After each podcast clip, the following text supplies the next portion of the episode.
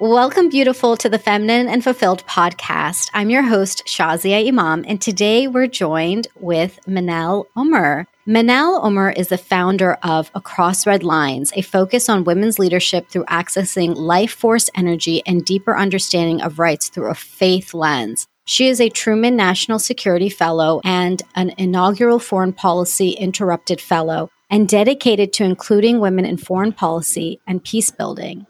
She's also passionate about why pleasure is essential for positive change, both internally and within the community at large. Welcome, Manal. Hi, how are you? I'm great. Great. I'm great. I'm really excited to be speaking to you today because the work that you're doing, I know, is just so important, and especially the piece around pleasure. I feel so aligned in this work that we're doing around pleasure, which typically has been a topic that hasn't really been discussed. So I'd love to hear what does pleasure mean for you and how are you bringing that into the community and also internally as you shared? Mm, yeah, no, I think it's such a crucial question. And it's really funny because when I think about my own journey, and if someone told me five years ago that this would be what I would be talking about, I think I myself would probably be surprised and pushing back. Most of my focus initially had been really on conflict resolution, and I, I, had spent most of my career really looking at some of the biggest problems that we were facing and thinking, you know, how can I make things a little bit better? And after 20 years of working, you know, in peace building and humanitarian and various conflict zones, I really realized by the time we were resolving and managing conflict, it was usually too late. And so I started asking myself, okay, well, how can we actually prevent it? And for me, the heart of that question of really preventing conflict, whether it's the biggest level or even just at the small scale kind of internal conflict level, it really does go to women. And then that's where I took it one step further because it's not just any woman, it's a woman who's really well integrated. And for me, the key to integration, that key to really being your authentic feminine self is that ability to be in a place in a state of pleasure. And that's kind of a very long way of answering your question because it was a very long journey that actually brought me to the work of focusing on pleasure as a way of making change. So what does that mean in terms of when you you've realized it's really this woman who's well integrated? What does pleasure mean to her and how is that effective in conflict resolution? So I think, you know, I mean, one of the most difficult things when you're talking about women's issues or women's rights or just talking about women is, you know, that temptation to speak about them as a monolith. And I think that that's, you know, with Across Red Lines, a temptation that we really try to avoid because, you know, defining pleasure, you know, it's that space. It's, you know, for every woman to really be able to step forward and say, okay, this is actually where I'm at my best. This is where I'm in my bliss. This is where I'm in my flow. And it really does look very different person to person. So for me, it's more about that process of each woman taking a few steps back and defining that. And, you know, the secret I often tell people is exactly when you begin to lose time, when you begin to realize you, I'm sure you've been in this state where you're working on a project and you kind of put your head down and you look up and like hours have passed because you were enjoying every moment of that project. Whereas when you're working on something that you might not enjoy as much, you really feel every minute, let alone the hour. And I think that's what pleasure for me is, is when you're in a state of flow and where things just really present themselves with ease. And I look at it from the Islamic tradition, and that's one of the things that I love the most is that it is something that we as Muslims are consistently encouraged to look for. Where is the easy path? And oftentimes that's where the clue for our life purpose is. Mm. So let's take it real into your purpose, Manal, and give us a background of what brought you here today. What's your story? Oh, wow. Where do I even start with my story? I always say that, you know, as I was born to Palestinian immigrant parents who came initially to Spartanburg, South Carolina. And so, you know, as a Palestinian woman, you know, I feel like I really didn't have a chance, you know, from a very, very young age. I would argue probably even from birth. I was consistently negotiating my place, you know, you know, where exactly is my space? And it wasn't when I think about it so much an external negotiation only as much it was an internal because so much of my identities, you know, whether you know, being Muslim, being Western, being a woman, being Arab, being, you know, specifically Palestinian and, you know, all these different identities, oftentimes, you know, I would be told that they should be in some form of contradiction or, you know, this one should override this one or this is the true personality. And, and I think that that negotiation is what led me to do what I do now and what I've done most of my life, which is, you know, some form of bridge building or some form of bringing two sides who don't seem to have connections, but reminding them of what they're connecting. And when I really look at my path, it, you know, it, it almost didn't feel that way when I was on it, but in hindsight, it feels like I, you know, like a no brainer. Of course, I would end up doing some form of conflict resolution. Of course, I would do some form of trying, you know, to get people to understand allyship or building tribes. And, you know, everything that I've had in my background has kind of led me to this point. Beautiful. So the piece that you're talking about, identity, you know, these different pieces of you, right? And and navigating, you know, what is who am I? I think this is a question that many of us have, especially those of us with, you know, somewhat of a similar background. We might be Western, but our culture is Eastern and, you know, we're Muslim in a country that's not, you know, just there's all sorts of things. I mean, I just really resonate with what you're sharing. How did you find the way to build that bridge within yourself of who you are? And if somebody were, if I were to ask you the question, who are you, Manal? How would you answer that today?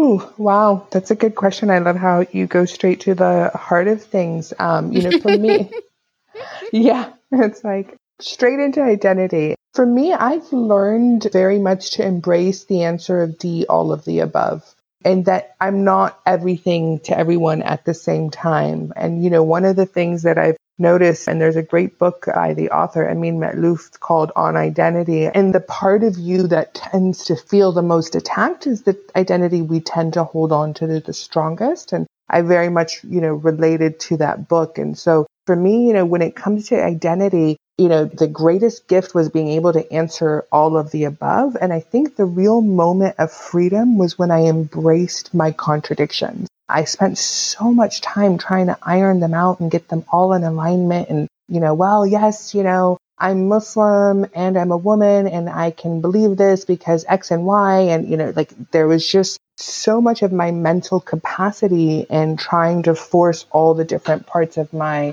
identities to justify who I was. And now I just take a step back and be like, nope, they contradict from time to time. And, you know, they're not as, you know, pretty. And I actually embrace this as one of the most beautiful parts of the human experience is the contradictions, is the complexity. So, you know, who am I? I'm all of this mixture, all of the above. You know, some people might even say a hot mess in terms of allowing just all of who I am, which is a lot, to just be present. Mm, so, when you talk about the contradiction, take us a little bit deeper into that.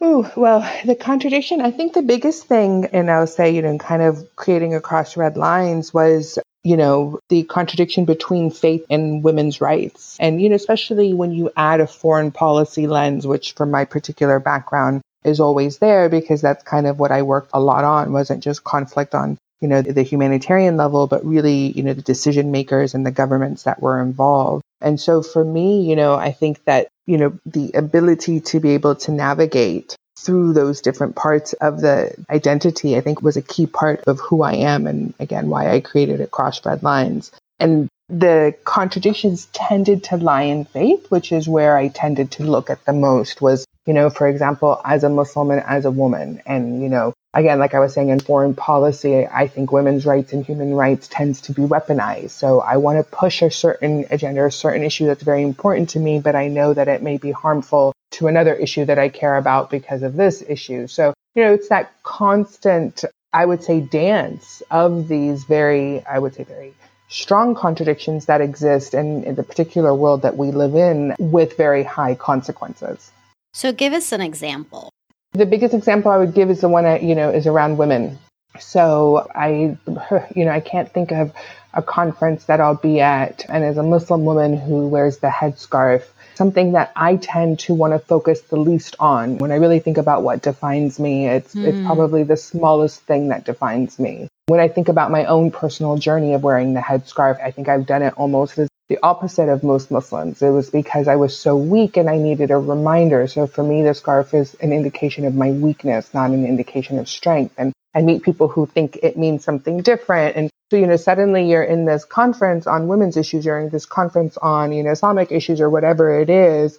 And that's the predominant issue everyone wants to talk to you mm. about is the, you know, is the headscarf. Um, or they want to talk to you about how much everyone wants to talk about the headscarf. Or even now, it's the first example I'm giving versus a thousand other examples that I could give. So, you know, that's an example of the type of contradictions and issues that you're constantly grappling with where it might not necessarily be my choice, but based on how people perceive my identity, then it becomes a topic. That makes sense? Oh, absolutely. And it's funny because I almost wanted an example because what came to mind for me too was hijab. You know, it's yeah.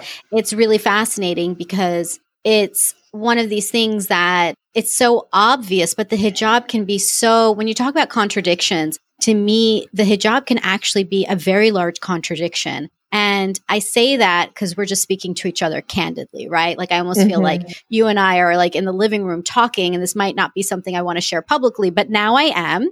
and I say the hijab can be a contradiction because to, I would say, the greater world, it seems to be the symbol of Muslims and women and something spiritual. And is it empowering or disempowering, oppressive or not? There's all these questions. But within our own community, let's just get honest for a moment, Manal. There's a lot of contradictions when it comes to hijab as well. And the way that internally as a community we discuss it also.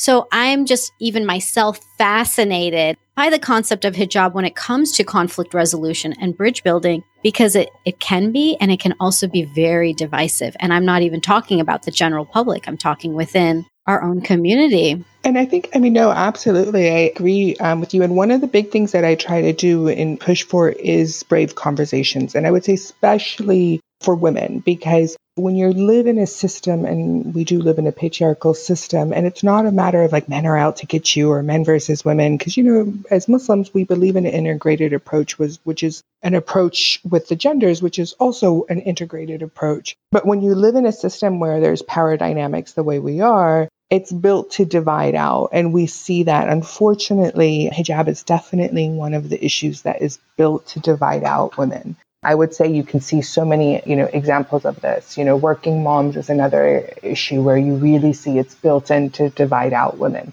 Do you stay at home, you know, or do you breastfeed? Mm. I mean, there are certain topics, if you really take a step back and you look at it from a patriarchal lens, you see how it's built to actually divide women out. And I think hijab is definitely one of those. But again, I would encourage us to take a few steps back and what does that actually represent? And, you know, for me, and this is something that I push a lot with women's leadership is some of our greatest strength actually lies in the informal. It actually lies in the invisible. And that's one of the strongest strengths some women have. And so you know, for me, that's something that hijab also represents. It can represent that you can be very powerful, you can be very even loud and seen, and still have your boundaries and your own kind of criteria for where that is, what that stage looks like. And that's, for me, a important part of femininity is playing with the invisible, playing with the informal. Mm, that's a beautiful way to really look at it. And I, you know, I'm just tapping into this like you said, the femininity is it's all these pieces. Like you were saying earlier too, there's not necessarily one way to even talk about pleasure because it's unique to each individual. And the same thing about being in your power and in your strength. So, Manal, for you, how do you tap into this power and femininity and strength within yourself? Well, it's interesting because I, this goes a little back to cross red lines again and why I chose a faith lens. For me, I actually ended up reconnecting with my feminine side. And I say reconnecting because I think when I really was pushing through my career, I was definitely unconsciously adopting a very masculine style of leadership. Mm-hmm. And I think what helped me reconnect was my faith. And that's why I, I, you know, specifically when I'm looking at issues like life force energy or like pleasure or like sexuality, I do look from a faith lens because for me, I think that was what I needed the most to connect was understanding where it felt in the larger pattern, the larger universe, the larger, you know, forms of just my belief system. And when I saw the two I would say we're not only connected, but you know, you know, completely interconnected. Mm. I think that's what really ended up fueling me and connecting me to my feminine side was just getting the understanding of what was bigger than me and how it all worked together. And now that you're in this space and talking about pleasure, life force energy, sexuality, what does that look like in Across Red Lines? You know, it's so funny and so basic. And sometimes I even, you know, when I look at my own, again, I tend to look at my own journey or my own pain and, and trauma and what I've survived. And, you know, there's a part of me that almost wants to laugh at myself. And as exotic as I want to make it as someone who's kind of worked in war zones and, you know, had like a lot of, you know, very strong experiences in, in countries all around the world. But the reality is so much of what we end up looking for is basic self love and basic self worth. So, you know, that tends to be the biggest challenge and obstacle for people to connect with pleasure and to connect with themselves. And that's a lot of what we end up doing is just looking inwards. And if you look at the prophetic tradition, it's, it's very much within the prophetic tradition is if you want to change the world, you start with yourself. And, you know, even you know, the divine tells us, you know, you're not going to get the rulers, you're not going to get the, get the government, you're not going to get the system you want until you are the person that you need to be. And I think there's so much power in that. And we seem to have relinquished that power and continue to, you know, almost become obsessed about change outside of our circle of influence when the reality is there's so much change right around us. And that's, that's again what the big you know, work that we try to do is, is to remind people of that, that circle of influence that surrounds them directly. Hmm. Is there a story that you could share about how this work? I'm just trying to hear a story about perhaps a woman who moved from feeling one way about herself, loving herself or her own self worth, and moving into a place of pleasure and how that impacted her.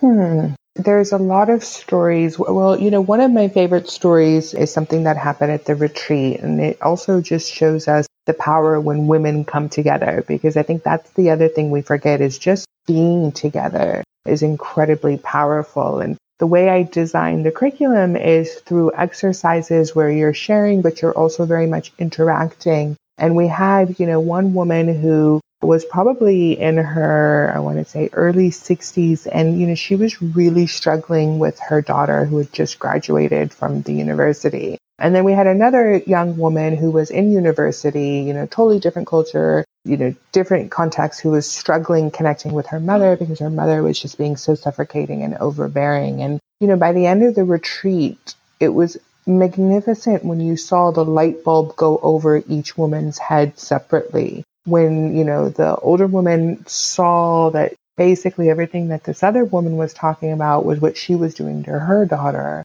And almost at the same time, the daughter realized this is what she was doing to her mother. Mm. And they were just able to see each other's story. And I think that we don't even realize how stuck in our own stories we become. Mm. And we can't even see another person's story. And, you know, just that realization is really the key to so much pleasure is that you get a shape, you get a you know, determine how you're going to react, you get to attach meaning, you get to decide, you know, who you become obsessed with and who, you know, you're, you're going to build a healthy relationship with. And like that power again is something that I think we've often forgotten. So I would say that that's the story I remember. And it's my favorite thing is when I see women actually see the answer in each other. Hmm. So, oh my gosh, that's so amazing. And to move past that story that they've mm-hmm. had into something that is actually going to serve them. And absolutely. And that's exactly the word serve them. I don't believe in self sabotage. And so when I'm working with clients, I'm always pushing them and being like, listen, like you have a story, and yes, it may be destroying your relationships and it may look like it's destroying your life, but there's a part of you that believes it's helping. Mm. And if you can get to that story of self preservation and you can tell it, hey, hey, hey, I don't need you anymore. you know what I mean? Mm-hmm. You know, usually I tell, especially for us girls, like that you know, person who might be really mean and snappy probably came out for a very legitimate reason. You know, someone was bullying her, some teacher, someone was telling her she's not smart enough. So, you know, that came out in a form of self-preservation and when you can you know tell whatever whether it's the bully or the mean girl whatever it's manifesting and being like hey we don't need to protect ourselves in that way hmm. it will actually leave a lot quicker than when you just say you're mean and you're being bad and that's not how people behave and like it's just a different approach hmm. and do you have a tool or technique that you would recommend for somebody to identify their story and then to have that conversation to let it go. Absolutely. I mean, the tool and technique is always going to go back to like meditation, dhikr, salah in some form. Like there's just nothing that will beat it. To really find a way to sit in stillness and silence and listen to yourself. Because, you know, almost always, and this is the whole basis of the work that I do, is you know, and if you really think about it, you know, you know, like we mm-hmm. almost always know exactly what needs to be done. We know our purpose. We know, and we'll do. I know I'm I'm one of the worst. Like I'll do everything to avoid what I actually need to do. Like I'll do every extra credit project in the world just as long as I don't have to do the main assignment. Like I'm that person. you know, it's understanding and then just being able to actually see it. And so I think that's the biggest challenge. And you know, this is why I, you know, I believe getting into your body and again and go back to prayer or meditation or, or, you know whatever works for you even like a walk in nature can be very powerful because you know your body is your gps it's your mm-hmm. navigation it's it will tell you if you're on track and if you think about most of us we're so disconnected from it that we don't hear it we don't hear it and if we do hear it it's just that annoying you know make a left turn make a left turn make a left turn mm. make a left turn and you're you know, you're either shutting it out or ignoring it because it's now annoying because you're not listening to it and you're off track and you can see where I'm going with it. So that's the key is get reconnected. Mm, yes, absolutely. And I've been talking a lot recently about my reconnection is through dance mm. and through movement in that way because dance has been something Great. that has felt, you know, I guess the word is shameful. It seems like such a strong word to use, but it did feel shameful for some time. You know, I grew up with learning that, you know, you don't dance in public. And in fact, in my family, you don't even dance in front of women either. You just don't do it because it's not like mm-hmm. what's appropriate. And what I found actually for me is that I love dance and in the movement in a way that I feel is sacred. I mean, I'm not out there on the streets like just dancing, but in places that I feel appropriate, I feel good and I feel free for me, that's the greatest connection that I can make. And that has, in and of itself, just been such a freedom as well. So mm. it's just as simple as that. Oh, absolutely. Oh, it makes me so happy. Dance is very powerful. And like you said, any movement, it really is just getting back into the body. And I'm glad that you use that word shame because I think that, you know, it's a really strong and powerful word and we forget the effect that it can have on someone. And I think that, you know, reclaiming whether it's dance or even, you know, reclaiming certain words in, in themselves is very powerful. So I think that I'm glad that you gave that example and I'm glad that you used that word. Thank you. So tell us more, Manal, about these retreats. I want to hear about it. Yay, yes. So, I mean, you know, one of the things that I'm trying to do is initially create as much material and research and just push this conversation as much as possible. And, you know, that's the primary goal. And a secondary goal is to, you know, for those who are interested, start actually bringing us into a physical room together, kind mm. of in real life. And through the retreat, you know, one, I just can't emphasize enough. And again, with my own healing journey, just the power of nature and, you know, for me, I was going through a combination of just physical and, you know, PTSD, working in conflict zones for so long and some faith shaking and just that being in nature in itself was just an incredible part of the healing. And so all the retreats I do, I usually do out somewhere in nature. And then, you know, I've designed a curriculum that pulls together the faith lens, so looking at Islamic law. It also adds what I've studied under trauma and resilience and then the sexuality and the pleasure and pulling all of those together, how we can actually negotiate and create the life we want.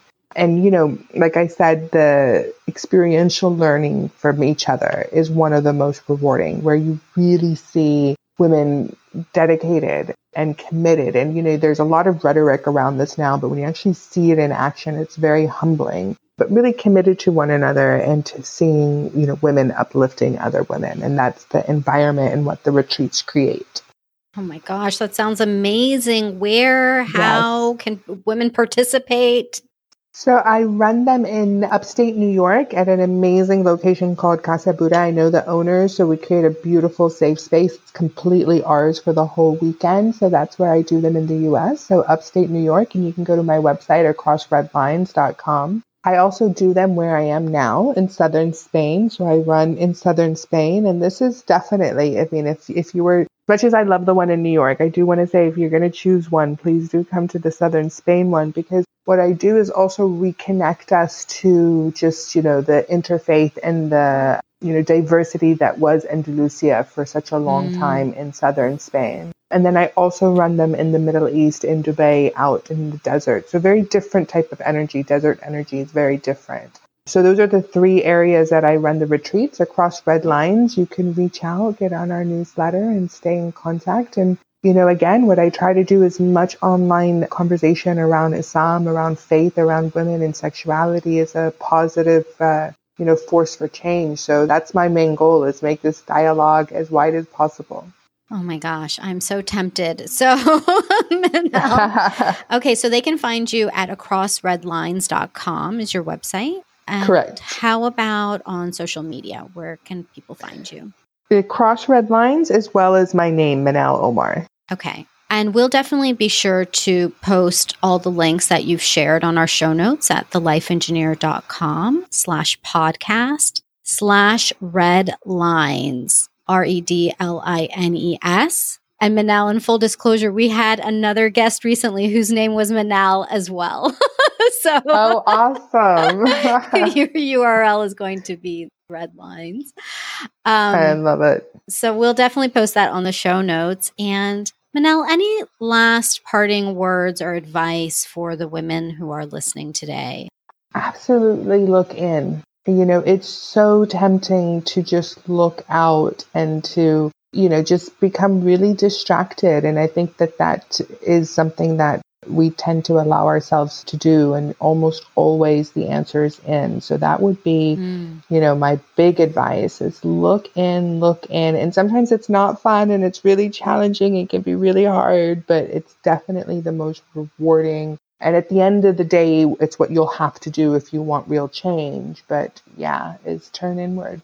Mm. Beautiful. Thank you so much, Manal, for sharing with us today and for sharing the opportunity for the retreats as well. I just, you know, as a plug, I, I want to just share that truly the sisterhood that's created in a retreat format, especially in what you're sharing, Manal, can be the most powerful experience to be had. Just given the world that we live in today, it's just such a treat to be able to retreat and then to also mm-hmm. be in that council and that sisterhood and and support with other women and then of course you guiding having somebody who is guiding you in what is really going to bring forth what will serve you. So thank you for creating that space and mm, my pleasure. Well thank you so much manal for joining today. It was such a pleasure talking to you. Thank you so much for having me.